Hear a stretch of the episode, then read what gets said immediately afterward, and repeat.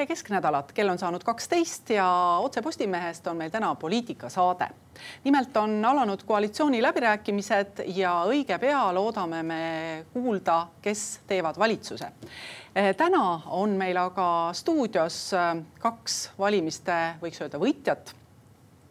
ja palun eh, tere tulemast saatesse, Kristina Kallas Eesti kahesajast. tere.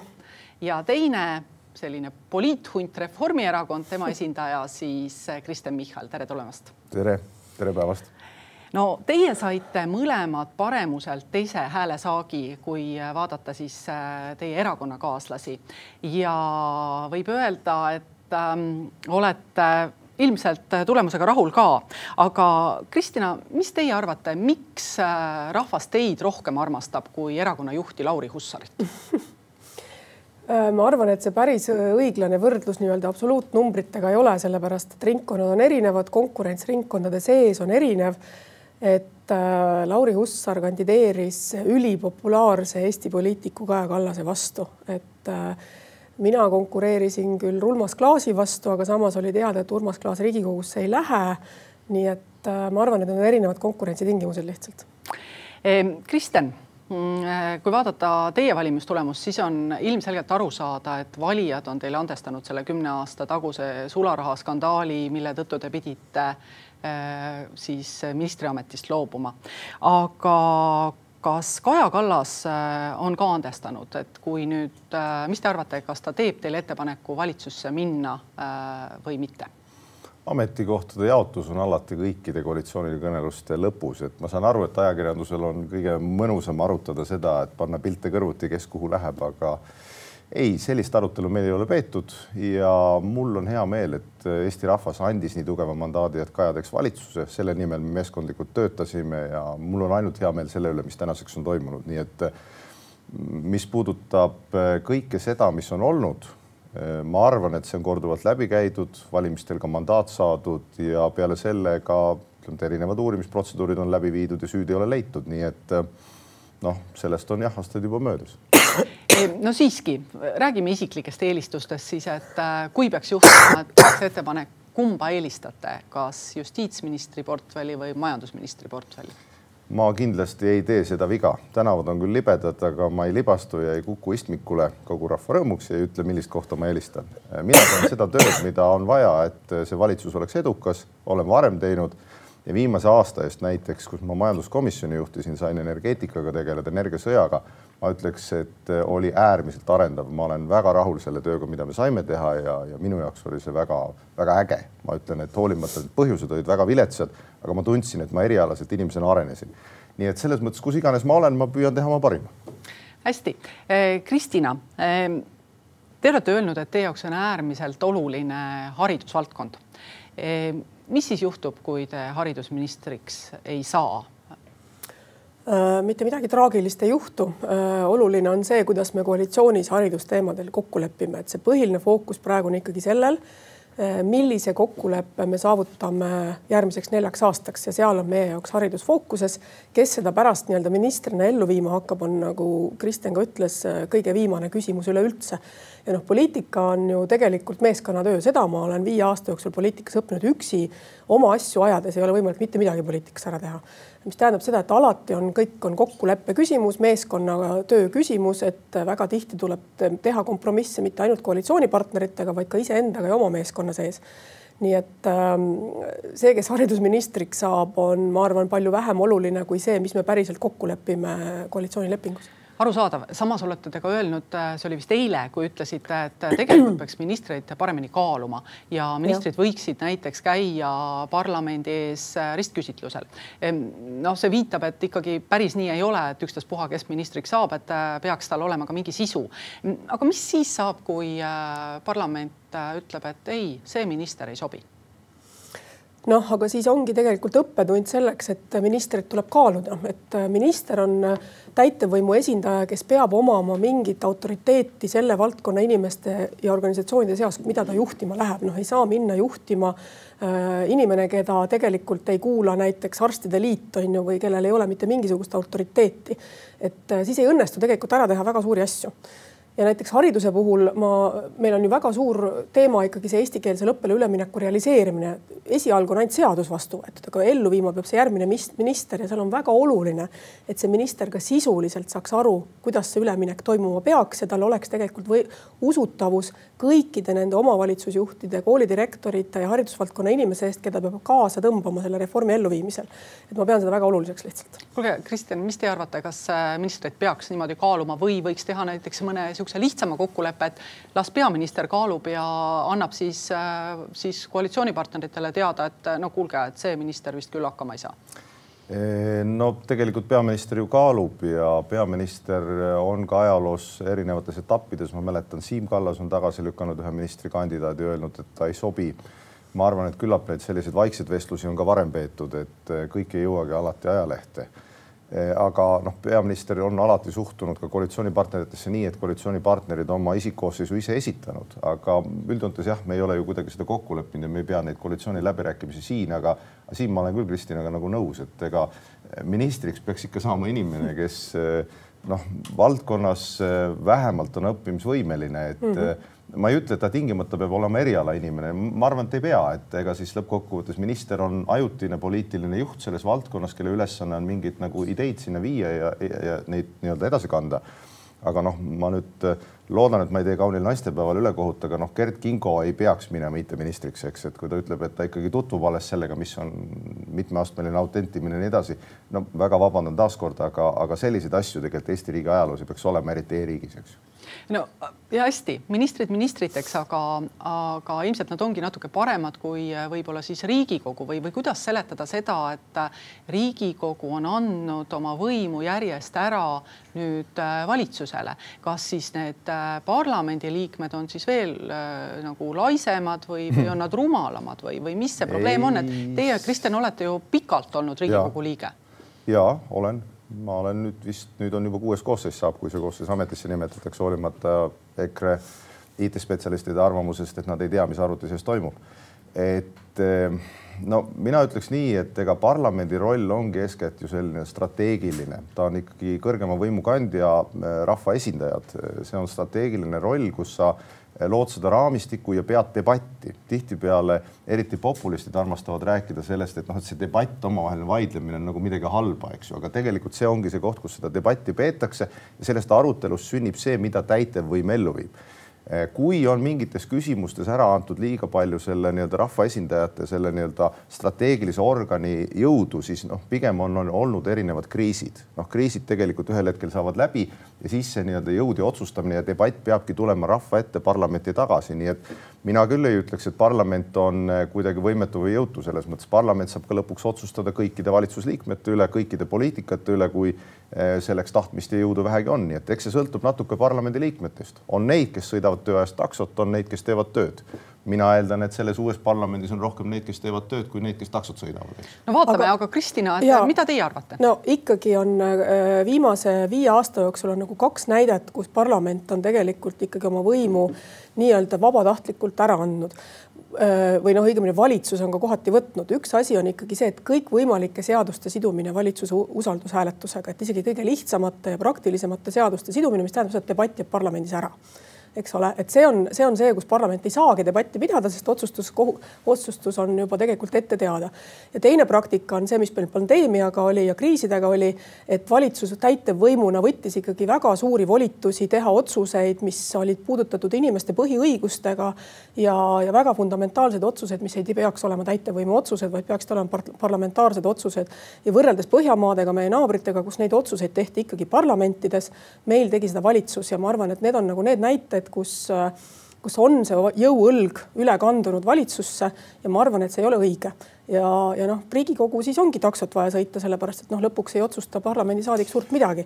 kuulge, aga üks ma, võimalus on veel. korra täiendan, et selles mõttes see takso sõitmise näide ei olnud mitte sellepärast, et Riigikogu liikmetel igav oleks, vaid lihtsalt mõned Riigikogu liikmed on valinud mingi muu asjaga tegelemise. No, igaüks, igaüks otsustab ise, mida ta seal tegelikult teeb ja ja noh, mis puudutab usaldushääletusi, siis ega ma ei ütleks, et need nüüd midagi ebatavalist on, eks ta on nagu maitse küsimus, debateerimise küsimus. aga kui sul on ikkagi parlamendist pandud mingi asi seisma parlamendi elu on seisma pandud, siis valitsusel on täiesti legitiimne õigus see panna enda usaldusega kaalule. valitsus kas jääb ametisse või ei jää seejärel ametisse seda ei ole olnud minu meelest liiga palju, aga noh, veel kord, et ega igal koalitsioonil on oma käekiri, uuel koalitsioonil saab olla oma ja mina siin midagi liiga traagilist ei näe, aga veel kord, see võti on eeskätt selles, kuidas parlamendi liikmed näevad oma rolli, kas nad näevad rolli, et tegelikult nemad teevad strateegiat ja täitevviim viib ellu või see, et täitevvõim käib neile ütlemas, mis on siis see plaan, eks. Minu meelest peaks olema esimest pidi, eks ju. no nii, aga äh, nüüd äh, Kristina, teil seisab ju ees äh, tõenäoliselt no, juhtumisi, kui te nüüd ministriks ei saa, seisab ees see, et olete Riigikogus ja samas olete ka siis Tartu linna volikogus kas see ei killusta, ütleme ühte tavalist saadikut äh, ja sellepärast ta ei pane tähele olulisi asju või, või selliseid äh, tähtsaid, äh, tähtsaid tegevusi Riigikogus, mis jäävad tegemata, sellepärast et ta peab linnas ka tegutsema? ei, ma, mina tegelikult sellel kahel toolil istumise mure kohta ausalt öeldes ei näe ja ma pigem pean ikkagi tugevuseks seda, kui kui äh, on nii riigi tasandil kui ka volikogu tasandil äh, side olemas. mida ma pean probleemiks, on see, kui kohalikul tasandil täitevvõimu esindajad, need, kes on siis linnapead ja, ja aselinnapead, kandideerivad Riigikogusse nii-öelda ikkagi peibutuspartidena ette teades, et nad sinna ei lähe. ehk siis, et äh, mandaadi vastutus nagu kaob sellistes situatsioonides ära. see, et äh, Riigikogus töötada ja volikogus samal ajal töötada, minu arust on see normaalne demokraatlik protsess ja ma ei näe üldse põhjust seda piirama hakata. ja ajaliselt tegelikult see ei ole nagu äh, ajakriitiline, sest volikogu on, on kohalike elanike esinduskogu, mis koguneb üks kord kuus, eks ole, selleks, et äh, noh, anda oma hea heakskiit või mitte, no Tallinnas võib-olla kaks, kaks korda, Tartus üks kord kuus, eks ole anda oma heakskiit äh, nii-öelda läbi arutatud otsustele, et äh, noh, ma ei näe seal tegelikult probleemi. nii et saate hakkama, aga, aga nüüd äh, kas võib siis olla nii, et, et samamoodi jätkates ikkagi on võimalik Riigikogul teha sisulisemaid otsuseid ja, ja siis päriselt otsustada siis, kui Riigikogu peaks otsustama või, või mida veel parandada, et, et te ütlesite, et, et äh, noh, sõltub siis nüüd uuest seltskonnast, sest mõnel, ma toon siia veel ühe näite. Mm, -hmm. sest mõnes mõttes juhtub ju praegu see ilmselt teie mõlema parteiga, et väga paljud mandaadi saanud inimesed, kas siis tõesti lähevad, jäävad noh, näiteks nagu Urmas Klaas jääb, eks ole, nagu Tartu linna juhtima või kes jääb siis Europarlamenti. Ja, ja samas paljud lähevad ka valitsusse ehk et äh, Riigikogusse tulevad täitsa teised näod. no päris massiivne see, ma arvan, vist meie puhul. no meie puhul ole. on null, selles ja, mõttes, et see liikumine on meie puhul null. pigem on nii, et noh, mina defineeriks eeskätt selle peibutuspartluse nii, et kui inimene ei ütle, mida ta teeb, eks ju, et kui inimene ütleb, mida ta mandaadiga teeb tulevikus, siis inimesed teavad, kas ta kandideerib erakonna või mingi maailmavaate toetuseks ja noh, näiteks meil väga paljud kandideerisid just sellesama selge sõnumiga, et järgmise valitsuse peab moodustama Kaja Kallas, mitte Martin Helme ja Jüri Ratas, eks ju, ja see oli väga selge plaan ja väga rahvas tuli sellega kaasa, et minu meelest sellele anti väga suur tugi. aga eh, see nüüd kahes kohas rollis olemine noh, see sõltub inimese enda nagu jõust ja võimekusest, et Tallinnas tegelikult on jah, volikogu on eh, kaks korda kuus, eks ju, lisaks on veel erinevad tegevused, mida sa kohalikul tasandil teed, erinevad eh, eelnõud, komisjonid, läbisuhtlemised. aga kui sa tegeled selle poliitikaga pidevalt, siis eh, minu meelest noh, minu isikliku arvamuse kohaselt, eks neid arvamusi on erinevaid. riigikogu liikmete olek kohalikus omavalitsuses annab mõlemat pidi seda sidet juurde, et sa suhtled oma piirkonna inimestega, sa näed neid reaalseid elusid, muresid tänavatel ja igal pool mujal ja kui sul vähegi jaksu jõudu on, siis tasub seda teha, eks, et on neid, kes arvavad, et see peaks olema lahus, noh, minu meelest sihuke kunstlik ei tööta üht teistpidi, on osad need, kes valivad seda mitte teha, on neid, kes valivad. Näiteks meilgi. Urmas Paet jäi volikogusse, käib äh, volikogus kohal, minu meelest Keskerakonnast Yana Toomgi käib meil kohal, nii et selles mõttes Tallinna volikogus. Nii et ka Europarlamendi liikmed käivad nad noh, füüsiliselt kohal, nii et see ei ole nagu suur probleem, aga mida teha, et Riigikogu tugevam oleks ma arvan, et eks see eeskätt algabki sellest nagu sõnumi teadvustamisest, et kui sul on ikkagi parlamentaarne demokraatia, parlamendiliikmed tajuvad, et nende roll on siis olla selle strateegilise sõnumi kujundajad, selle poliitilise vaate ja võib-olla pikema vaate kujundajad ja täitevvõim tegelikult peab seda ellu viima, mitte see ei ole vastupidi, sest täitevvõimu aparaat on ju tohutult suur. noh, ütleme nii, et Kristina tuleb äh, Riigikogusse, mina ka, meil on fraktsiooni nõunikud, kolm-neli tublit inimest, eks ju täitevvõimu ministeeriumid seal vastas on väga suured, et see tähendab seda, et Riigikogu liikmed ikkagi peavad tajuma, et täitevvõim on nende nii-öelda tööpartner ja, ja kohe, kui see taju tekib, küsitakse õigeid küsimusi, hakatakse seda mingis suunas lükkama, kuhu see nii-öelda visioon peaks minema. ma arvan, et saab paika, aga veel kord, eks see võtab veidi aega, aga ma siiski julgeks öelda, et parlamendis on kvaliteeti täiesti küllaga, on üksikuid tegelasi, kes teevad piinlikkust meile kõigile ja neid jätkub ja neid on ka uues koosseisus, aga kvaliteeti on ka ikkagi rohkem, kui ütleme nii palju väljapoole paistab. Kristina, väike. Äh, ma tahtsin repliik. ikkagi rõhutada seda, et Eestis valimissüsteem ei ole kinniste nimekirjade süsteem, et valitakse ikkagi konkreetset inimest ja läbi läheb see inimene, kes kõige rohkem hääli saab. Mille tõttu see peibutuspartlus on ikkagi probleem, sellepärast et äh, kõigepealt avaldatakse esimesed valimisnimekirjad inimestest, kes on saanud inimeste käest, valijate käest konkreetse isikliku mandaadi sinna minna ja järgmisel päeval või siis nii-öelda Riigikogu algushetkeks on see nimekiri väga tugevasti muutunud, sellepärast et loobutakse mandaadist. et selles suhtes ma olen ikkagi kriitiline selle suhtes, et kandideerivad inimesed, kes tegelikult seda mandaati realiseerida ei kavatse. see ei ole lihtsalt Reformierakonna toetus, see on isiklik mandaat, mis on saadud Reformierakonna nimekirjas. nii et äh, kui oleks lihtsalt Reformierakonna eest hääletamine suletud nimekirjadega, noh siis selles mõttes on arusaadav, aga see päris nii ei ole Eesti valimissüsteemis. eeldatakse, et see inimene läheb mandaati realiseerima no, hästi. inimesed tavaliselt teate, ütlevad aga..., ma just vabandust, inimesed tavaliselt ütlevad välja, mida nad teevad ja sellest minu. no see on natukene ikkagi teatrietendus. olge, aga lähme järgmise teema juurde, sellepärast et äh, seda te saate arutada siis ja. Äh, koalitsiooniläbirääkimistel edasi, aga ja, aga nüüd äh, siis äh, võib-olla siis see küsimus, et noh, ühel hetkel on see valitsus koos ja, ja see, mis on reaalsus, äh, on see, et äh, Äh, siis suuremal partneril on äh, rohkem hääli ka siis, kui kaks väiksemat partnerit ehk siis Eesti kakssada ja, ja sotsid äh, näiteks ütlevad, et nemad on millegi vastu ja, ja siis suurem partner on poolt. mis on see, mis peaks juhtuma või millised küsimused on need, mis peaksid juhtuma, mis, mille puhul te ütlete, et me, meile aitab me anname võimu käest ära, lähme minema? no esiteks, vaatamata oma suurele mandaatide arvule ei saa Reformierakond Riigikogus mitte midagi õnneks üksinda otsustada et kolmkümmend seitse häält ei ole piisav selleks, et ükskõik mida läbi suruda, nii et äh, tegelikult ühte või õigemini kahte partneri kokkulepet on ikkagi vaja ka valitsuse tasandil ja ka Riigikogus, nii et äh, kõik on jumal tänatud ikkagi äh, selles mõttes koalitsiooni kokkulepe, mitte nii-öelda ühe erakonna kokkulepe. aga Eesti kahesaja jaoks on oluline ikkagi see, et see valitsus on saanud erakordse mandaadi Eesti inimestelt, väga suure mandaadi Eesti inimestelt, et teha julgeid ja uuendusmeelseid reforme äh, hariduses, rohepöördes, äh, riigi valitsemises, julgeolekus et kõik need asjad tegelikult tulevad koalitsiooniläbirääkimistel lauale ja meie jaoks on oluline, et me saame suured asjad kokku lepitud ja ka nendega tegelema hakata, mitte see, et me lepime kokku väikesed rida väikeseid asju ja oleme rahul sellega, et me nüüd oleme valitsuses. et see meid siiski ei rahulda ja ma arvan, et me alustame kohe sellest, et, et, et mis need suured eesmärgid on, mida me endale neljaks aastaks seame ma usun, et Reformierakond on selle üle juba pikalt mõtisklenud ja, ja paljud asjad on selged, aga võtame ühe pisikese asja, et äh, needsamad kaks väiksemat partnerit äh, ütlevad, et nende jaoks on oluline abieluvõrdsus. et ähm, kuidas Reformierakond näeb, äh, et kas te toetate samasooliste abielusid? seda detailides läbirääkimist peetakse ühes teises toas seda ma ütlesin no, aga, ka enne. aga, ja, aga võtame, võtame Michali, võtame Michali arvamuse. enne seda saadet, et ja. me ei hakka Kristinaga siin kindlasti pidama detailide üle koalitsiooni läbirääkimisi. aga võtame siis Michali enda maailmavaate. ma nüüd räägiks enne kaks küsimust ka ära. minu maailmavaade, mina olen kooseluseaduse autor olnud kunagi, et äh, mina arvan, et kooseluseaduse rakendusaktid on esimene asi, mis tuleks ära teha, et äh, see on mitte, mitte abieluvõrdsus. see on minu isiklik arvamus mm, -hmm. aga veel kord, läbirääkimisi peetakse mujal, see võib olla minu isiklik arvamus. Äh, nüüd, mis puudutab noh, ütleme seda, mis võiksid olla ootused valitsusele, et noh, siin ma olen nagu Kristinaga sada protsenti nõus, et ega äh, ega mina ka ei tahaks päeva, kus Eestis oleks üks erakond, kes üksi mingeid asju otsustaks, et niisugused ajad on olnud ja õnneks põhjamaises demokraatias sellist asja ei tule, et koalitsioonivalitsused, nad tasakaalustavad üksteist ja hea ongi.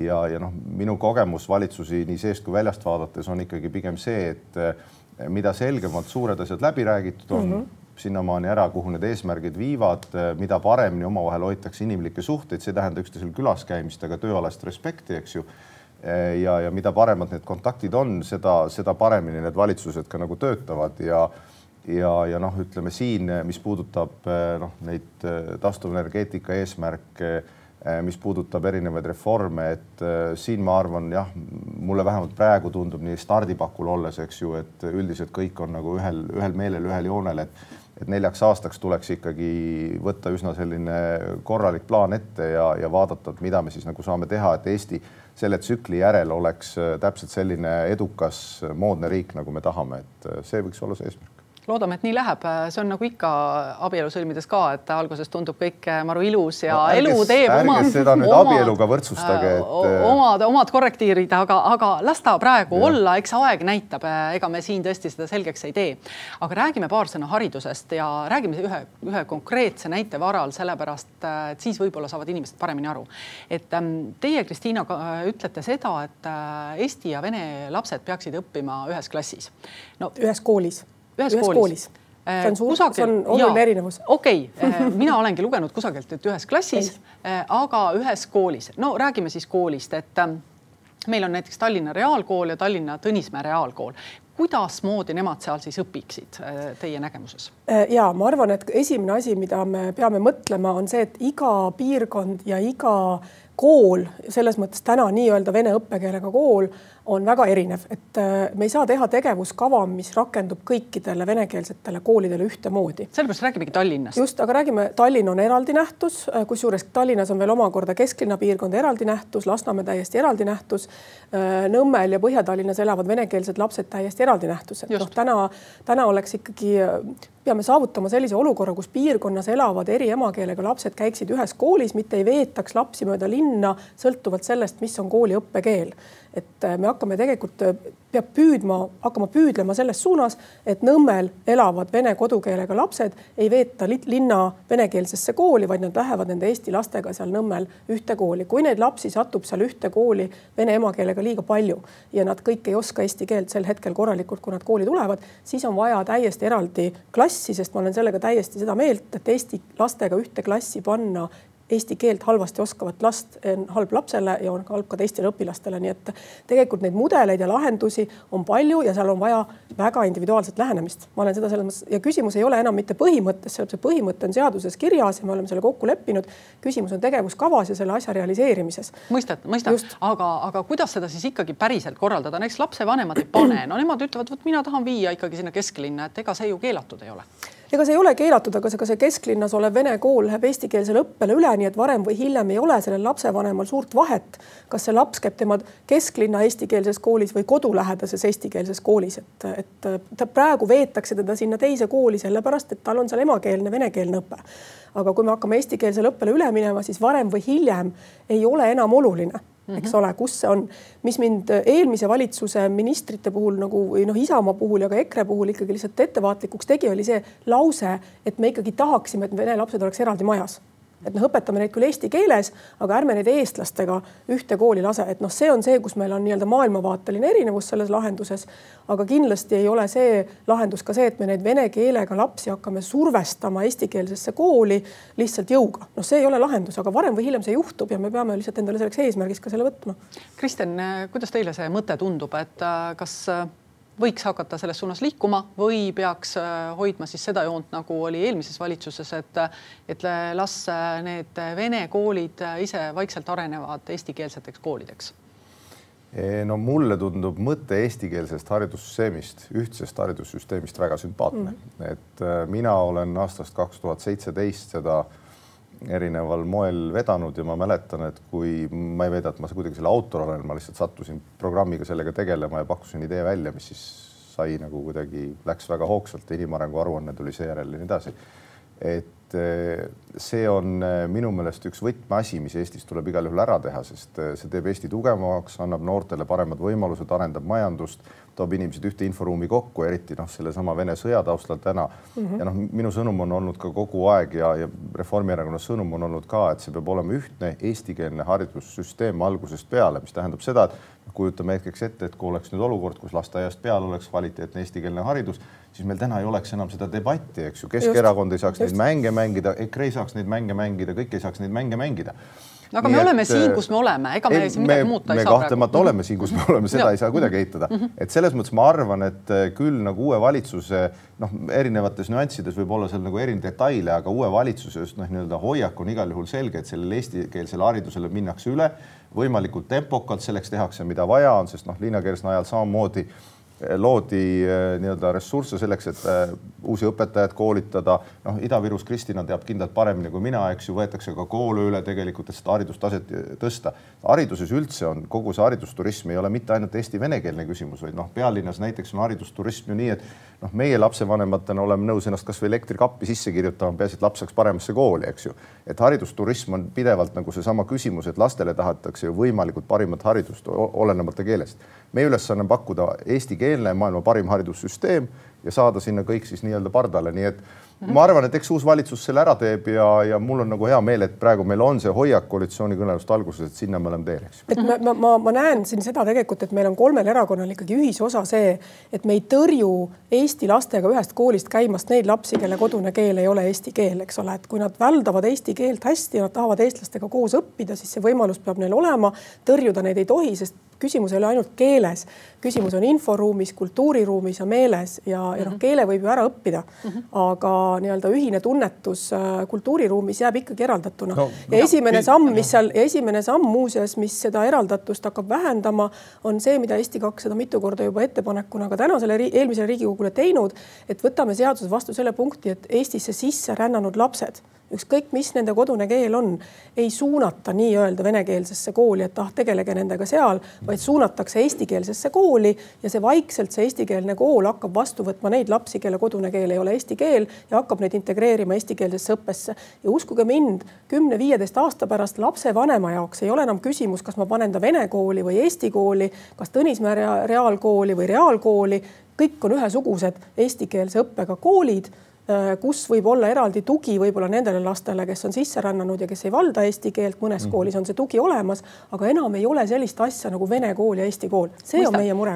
aga täna need lapsed ei ole veel sündinud, kellele see kõik äh, ilusasti võib-olla. on ikka no,, on ikka täna juba sündinud. või on siis väikesed, aga, aga ma ei saanud päris täpselt, Kristjan, vastust, et, et kuidas me siis alustame, et kas me. me oleme juba me, alustanud. kas me paneme need vene, ja ma mõistan, aga meil ei ole tegevuskava ei ole hakatud rakendama, ehk et kas vene koolid, äh, kas no, nemad hakkavad siiski ma vaidlen vastu, ikkagi on, et tegelikult on ikkagi mm -hmm. teadlikult vastu võetud A plaanid lisaraha suunamiseks, õpetajate koolitamiseks, sinna osas mm -hmm. peab käima ka õpetajate palgatõus tegelikult, mis on mhm. kvalifikatsiooniga koos ja seadusandlik baas on ka tegelikult olemas.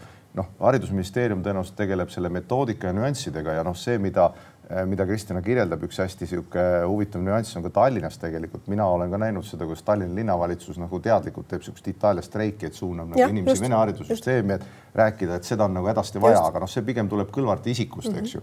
et meie eesmärk ikkagi on see, et algusest peale eestikeelne haridussüsteem maksku, mis maksab ja tulemuseks on tegelikult see, et jah, kümne-viieteist aasta pärast on see probleem läinud, inimesed on ühtses keeleruumis ja meil ongi eestikeelne haridussüsteem. hästi, sellest see, me saime aru. see, see ei võta, see ei võta kellelgi emakeelt ja kui keegi ja. tahab erasüsteemis õppida ja. teises keeles, seda ta võib arusaadav, äh, aga ikkagi ma ei saanud täpselt aru, et äh, kas, kas ja millal siis hakkavad Eesti lapsed sinna Tallinna äh, Tõnismäe reaalkooli siis sattuma, minema või, või, või kuidas nad sinna satuvad või õppima, ei no see on pikk protsess. See on et, pikk protsess, seda ei pigem... juhtu järgmine aasta, seda ei juhtu ülejärgmine aasta, et. Äh, ülemineku algus et, on kakskümmend neli meil, eks ju, kolmkümmend on eesmärk. aga selleks ja. läheb ikkagi, ma arvan, umbes äh, noh, üks äh, selline põlvkond, kuni need koolid selles mõttes oma sellise erisuse näo kaotavad, et, et noh, nad jäävad ikkagi mõneks ajaks nii-öelda endine vene kool või midagi sellist, sest see kogukondlik harjumus on ikkagi muidugi ka väga tugev. et noh, siiamaani mõnikord räägitakse esim-, seitsmendast koolist ja kaheksandast neljandast koolist Tartus, kuigi mina näiteks tean nende tänapäevaseid nimesid, aga inimeste harjumus lihtsalt oma kogukonna kooli teist vanast, vana järgi nimetada on ju suur. nii et see võtab aega, et ärme, ärme tee endale nagu neid illusioone, et aastast kaks tuhat kakskümmend neli ei ole meil nii-öelda laste segregeeritust haridussüsteemis, on küll, aga me peame alustama sealt, et me hakkame seda ühtlustama, eks ole no,. seda. oluline on öelda, et kahekümne neljandast aastast algab üleminek, üleminek., seda on öeldud juba aasta aega. algab väga üleminek, mitte ei lõpe, eks. väga hea. E, nii et jääme ootama, aga räägime natukene nendest kallistest valimislubadustest, sest on selgunud, et raha ikkagi eelarves napib. E, ilmselt vähe, vähesed teavad paremini kui Kristen Michal põhjal seda, milline on Eesti rahanduse seis, lihtsalt Riigikogu majanduskomisjoni esimehena on ilmselt selle teemaga olnud palju kokkupuuteid. no samas on praegu on laual meil sellised suured asjad nagu maksuküüru kaotamine, erakorraline pensionite tõus, alampalk tuhande kahesaja euroni on siin sotsidel soovitus, lubadus. kaitsekulusid tuleb igal juhul tõsta lastetoetuste ümbermängimisest räägitakse ka, et mis on need kohad, kus võib-olla tuleb hakata neid kalleid kulutusi kas kokku tõmbama või üldse kuidagi jätma kuskile tahaplaanile ja võib-olla tegeleda nendega hiljem? esiteks ma lükkaks ühe asja ümber, väga paljud teavad paremini kui mina. kõik, kes töötavad rahandusministeeriumis, kes töötavad no, Eesti, ütleme, Eesti meist, Pangas, finantssektoris, nii edasi mm. -hmm. ma isegi sellele ei pretendeeriks, aga ma lihtsalt ütlen seda, et eelarve hästi lihtsalt öeldes ja, ja rahaline pool riigil on ikkagi nii, et noh, kriisi ajal on eh, kulusid olnud rohkem kui tulusid ja, ja põhjus, miks need reservid on kulunud õhukeseks, peituvad Jüri Ratase valitsuste ajast, kui headel aegadel üldiselt Eesti valitsuste loogika on olnud lihtne. Eh, noh, Ansipi ajal, sellel vanal heal Ansipi ajal ja nii edasi on olnud alati niimoodi, et kui sul on parem aeg, siis sa kogud reserve, sest parematel aegadel järgnevad kehvemad. Jüri Ratase ajal läks see vastupidi, tulid head ajad, otsustati kõik ära kulutada igaks juhuks, sest noh, järsku ei tule veel uut valitsust ja nii edasi. ja selle tulemusena tegelikult nüüd kriisides riigi rahakott ja varud on kulunud õhemaks. meie rahandus on üldiselt enam-vähem korras, aga miinus on suurem, kui me tegelikult tahaksime ja sellest edasi nüüd tegelikult äh, tuleb ilmselt teha mõlemat, äh, vaadata üle noh, valimislubadused, mitte üle vaadata selles mõttes, et mida teha, mina eeldaks, et püütakse teha ikkagi maksimaalselt, mis enne valimisi lubati. aga tuleks üle vaadata ka seda, et mille peale meil see raha kulub, kuidas me saame mingeid protsesse paremaks teha, ma arvan, et siin Eesti kahesajaga meil kindlasti on hea partnerlus ja miks mitte ka sotsidega, sest kogu see ettekujutus, et äh, riigis toetuste jagamine oleks just eeskätt selle põhine, mis andmed meil on ja mida keegi vajab on ju väga mõistlik tegelikult, see oleks esimene asi, eks ju. riigis erinevate tegevuste, teenuste pakkumine samamoodi, noh, ütleme, me oleme umbes kümme aastat arutanud, et miks peab politsei sõitma välja näiteks pleki mölkimisele, noh, sellised lihtsad asjad tegelikult kõik need tuleks ära kraamida. ma ei ütle, et üks on parem kui teine, aga kõik need tuleks ära kraamida, riigil jääb raha põhifunktsioonide jaoks ja tegelikult mingid asjad lähevad erasektorisse ja osad asjad saab ka erasektorit tellida, nii et ma arvan, et ka siin selle uue valitsuse ja uue koalitsiooniga peaks teatav nagu nihe toimuma, eks mm. -hmm. et ehk, et äh, me saame aru, et äh, kärpekohti tuleb kindlasti leida, aga kui me räägime ikkagi nüüd nendest valimislubadustest, et mis siis praegu nagu tundub, et äh, jääb kuidagimoodi no kuidagi ma ju moodi..., ma ju ütleme täitsa lugupidavalt jälle öeldes, et me ju ei pea siin koalitsiooni läbirääkimisi, et koalitsiooni läbirääkimistel ei ole kolme kaamerat mm. -hmm. selge,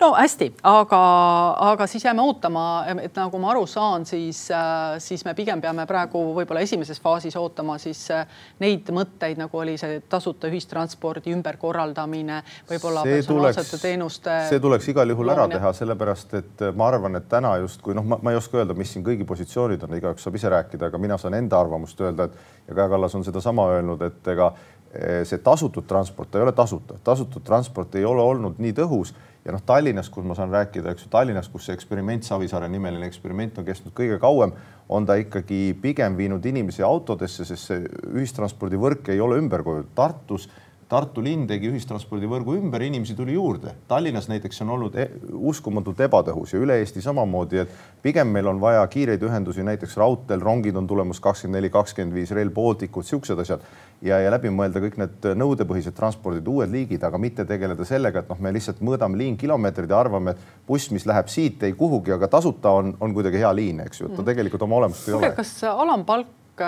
peab kuidagi ikkagi tõstma niimoodi jõuga, jõuliselt, äh, Kristina?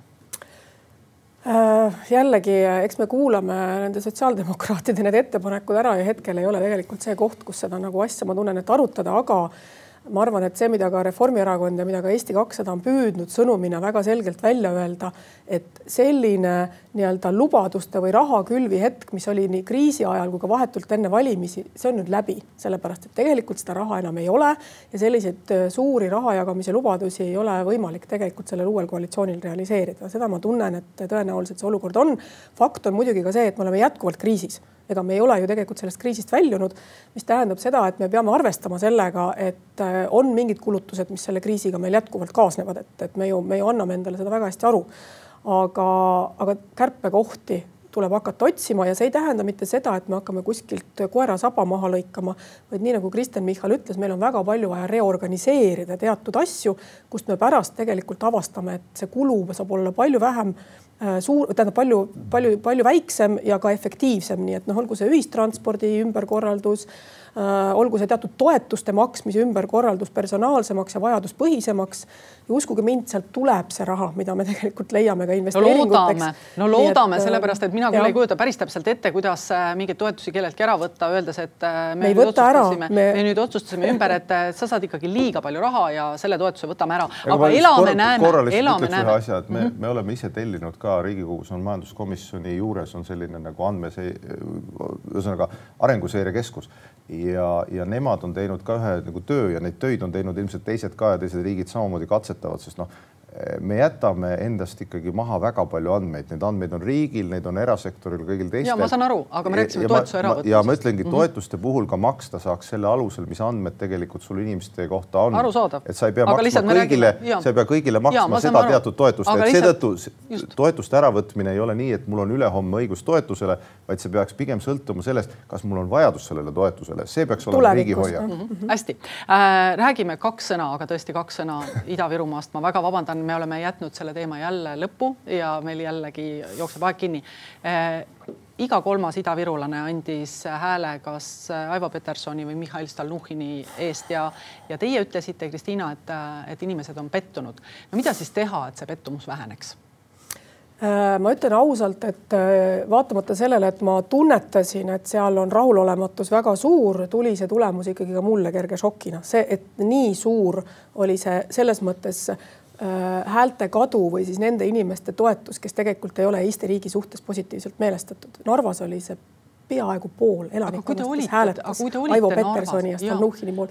ei, see ei, kui mina olin Narvas mm, -hmm. siis olid positiivsed meeleolud, sellepärast et see oli kaks tuhat kuusteist, seitseteist, kaheksateist, kui Eesti riigi tähelepanu Narvale oli väga suur. President resideerus Narvas äh,, Sisekaitseakadeemia toodi Narva ehk siis, et Narva oli kuidagi nagu tähelepanu keskpunktis ja inimeste meeleolu Narvas oli positiivne, sest nad said kuidagi nagu tunnetust, et neist hoolitakse. nüüd vahepeal selle energia, pandeemiakriisiga, energiakriisiga ja sõja aga on Narva pildilt äh, valitsuste jaoks jälle ära kadunud. ja samas on seal kujunenud välja sellised protestimeeleolud, et meid on lükatud nurka, meid on maha jäetud. ma ei ütle, et need, mida, see, kuidas nad asjast, asja näevad, et see on nagu meie vaatest õige. küsimus ei ole see, kas sa saad asjadest õigesti aru, küsimus on, kuidas need inimesed ennast seal tunnevad. ja ma arvan, et see on üks teema, mida me kindlasti peame endale aru andma, et kui me sellega ei tegele, siis see teema mingil hetkel tegeleb meiega, et äh, või Eesti riigiga mm.. nii et äh, noh, ma väga loodan, et me sõna otseses mõttes võtame Ida-Virumaa täiesti eraldi ette. no loodame, eh, kas valitsus peaks näiteks äh, kolima mõneks ajaks Narva tööle või, või äkki teete presidendile ettepaneku, et ka, et mida siis teha? no minu isiklik kogemus on aastast kaks tuhat viisteist, kuusteist, on neid kogemusi enne, enne ja pärast. ma käisin majandusministrina seal, kui oli naftaturu kriis tegelikult Äh, kogu seda tööstust ja ettevõtlust äh, noh, päästmas, üle vaatamas, mis me tegime, tegime Töötukassaga seal koostööd ja Sotsiaalministeeriumiga ja minu meelest läks üsna kenasti, et tänaseni peetakse hea sõnaga meeles ja noh, nagu Kristina ka kirjeldas, et sellele järgnes ka selline nagu positiivne nii-öelda elamus, et äh, faktidena muidugi Ida-Virumaa on olnud ka näiteks eurorahastustes üsna ülemises otsas, tegelikult tehakse samme aga küsimus on jah, pigem nagu selles samas hoiakus ja noh, näiteks energiakriisis ma arvan, Ida-Virumaa tööstustel olemuselt ei lähe üldse halvasti, noh, vähemalt need, mis puudutavad energeetikasektorit, aga see on nüüd nagu detail. et eh, kolimisest tõhusamaks arvan ma ikkagi järjekindlat poliitikat, et eh, seal käimine on kindlasti nagu maine mõttes oluline ja toimetamine, aga noh, võib-olla veidi ka sellist nagu järjekindlat poliitikat, sest ma väidan, et eh, mõistlik ettevõtlus, tööstuspoliitika tegelikult eh, annab jõukuse kasvu ja inimesed näevad, et kui elu läheb paremaks, siis hoitakse ikkagi oma riigiga kokku, et see pigem peaks see sõnum olema. haridussüsteem on teine asi, mida Kristina ka kirjeldas, ilmselt Ida-Virumaal oskab paremini kirjeldada, selle kvaliteedi tõus. kultuuriruum, kultuuriruum. noh, näiteks seesama Vaba Lava rahust, rahastus, mis käib edasi-tagasi, eks ju. sellised asjad tegelikult peavad paigas olema ja kui nad on paigas, inimesed näevad, et nad on Eesti osad ja noh, ma arvan, et enamus tegelikult näevad ja noh, need Petersonid äh, ja sellised tegelased, mina ütleks, et pigem see on ikkagi sellesama Vene-Ukraina äh, sõja nii-öelda peegeldus, et see polariseerumine on niivõrd tugev, et ilmuvad välja ka mingid äärmused, EKRE-le lisaks ilmusid välja ka nemad. Noh, ma ennustaks, et aastast kaks tuhat kakskümmend viis, kui Keskerakonna esimees saab olema tõenäoliselt Kõlvart, eks ju, see on minu isiklik ennustus, mitte parteiline ja pole minu asi ka nende partei siseelu kommenteerida, ilmselt võetakse osa sellest tiivast tagasi ka ilmselt Ida-Virumaalt, et kas see on hea või halb, otsustab igaüks ise. no just, aga ikkagi need inimesed või parteid saavad tulla siis, kui on, kuhu tulla, muidu ju just. ei juhtuks äh, midagi, sest Pinnast kui me vaatame praegu äh, Kagu-Eestit, äh, siis seal on ju suhteliselt sarnased meeleolud on. ja, ja tegelikult põhjused on suhteliselt sarnased. no et, just, ähm, aga es, es, eeskätt ongi veel kord, et ega see ongi seesama perspektiivi nägemine oma tulevikus majanduslik heaolu ja siis tekib ka tunnetus, et see on minu riik, kus ma elada tahan. ma, ma siiski Lõputab. tahaksin üle rõhutada, et küsimus ei ole ainult töökohtades ja, ja sissetulekutes. Ida-Virumaa keskmine sissetulek ei ole tegelikult muu Eestiga võrreldes katastroofiline, Kagu-Eestis on palju hullem Just seis. see on ikkagi selline tunnetus, mis seal kohapeal on, et meie oleme teisejärgulised, meid lükatakse praegu kõrvale selle sõja kontekstis, nad tunnevad ennast seda veel eriti, sest Ida-Virumaal on väga palju lojaalseid, Eestile väga lojaalseid vene rahvusest inimesi, ma arvan, et on enamus enamus tegelikult. aga lihtsalt see kogu see tähelepanu on selle marginaalse vähemuse arvamusega tegelemisele ja see paratamatult jätab ka sellele positiivsele enamusele selle märgi külge, et venelane on, on praegu väga raske Eesti riigis. ja, ja see on see, mis ma arvan, et me peame natuke mõistma, et see ei ole küsimus ainult töökohtades, see on küsimus ka selles et me peaksime oma näoga sinnapoole rohkem olema nende, nende venekeelsete elanike poole, kes on tegelikult ootavad, et, et me neid toetaksime seal no, ja, ma ütleks, et jah, võib-olla see natukene on selline ka noh, ütleme liidrite hoiakute küsimus, et eh, on ju olnud ka ootusi kõrgemaid tegelikult, et äh, Ida-Virumaal noh, tuli uus linnapea Katri Raik tuli Narva ja nii edasi, ootused olid tohutult kõrged. no Katri Tegel... üksi ei tee seda no, imet seal Narvas, eks ole. jah, ma räägin, et ootused on kõrged olnud, aga seal ise on ka neid ootusi veidi järgi lastud ja, ja lastud nii, seda kallid külalised, teate, meie aeg hakkab armutult läbi saama. viimane küsimus mõnele, mõlemale hästi kiire. Kristina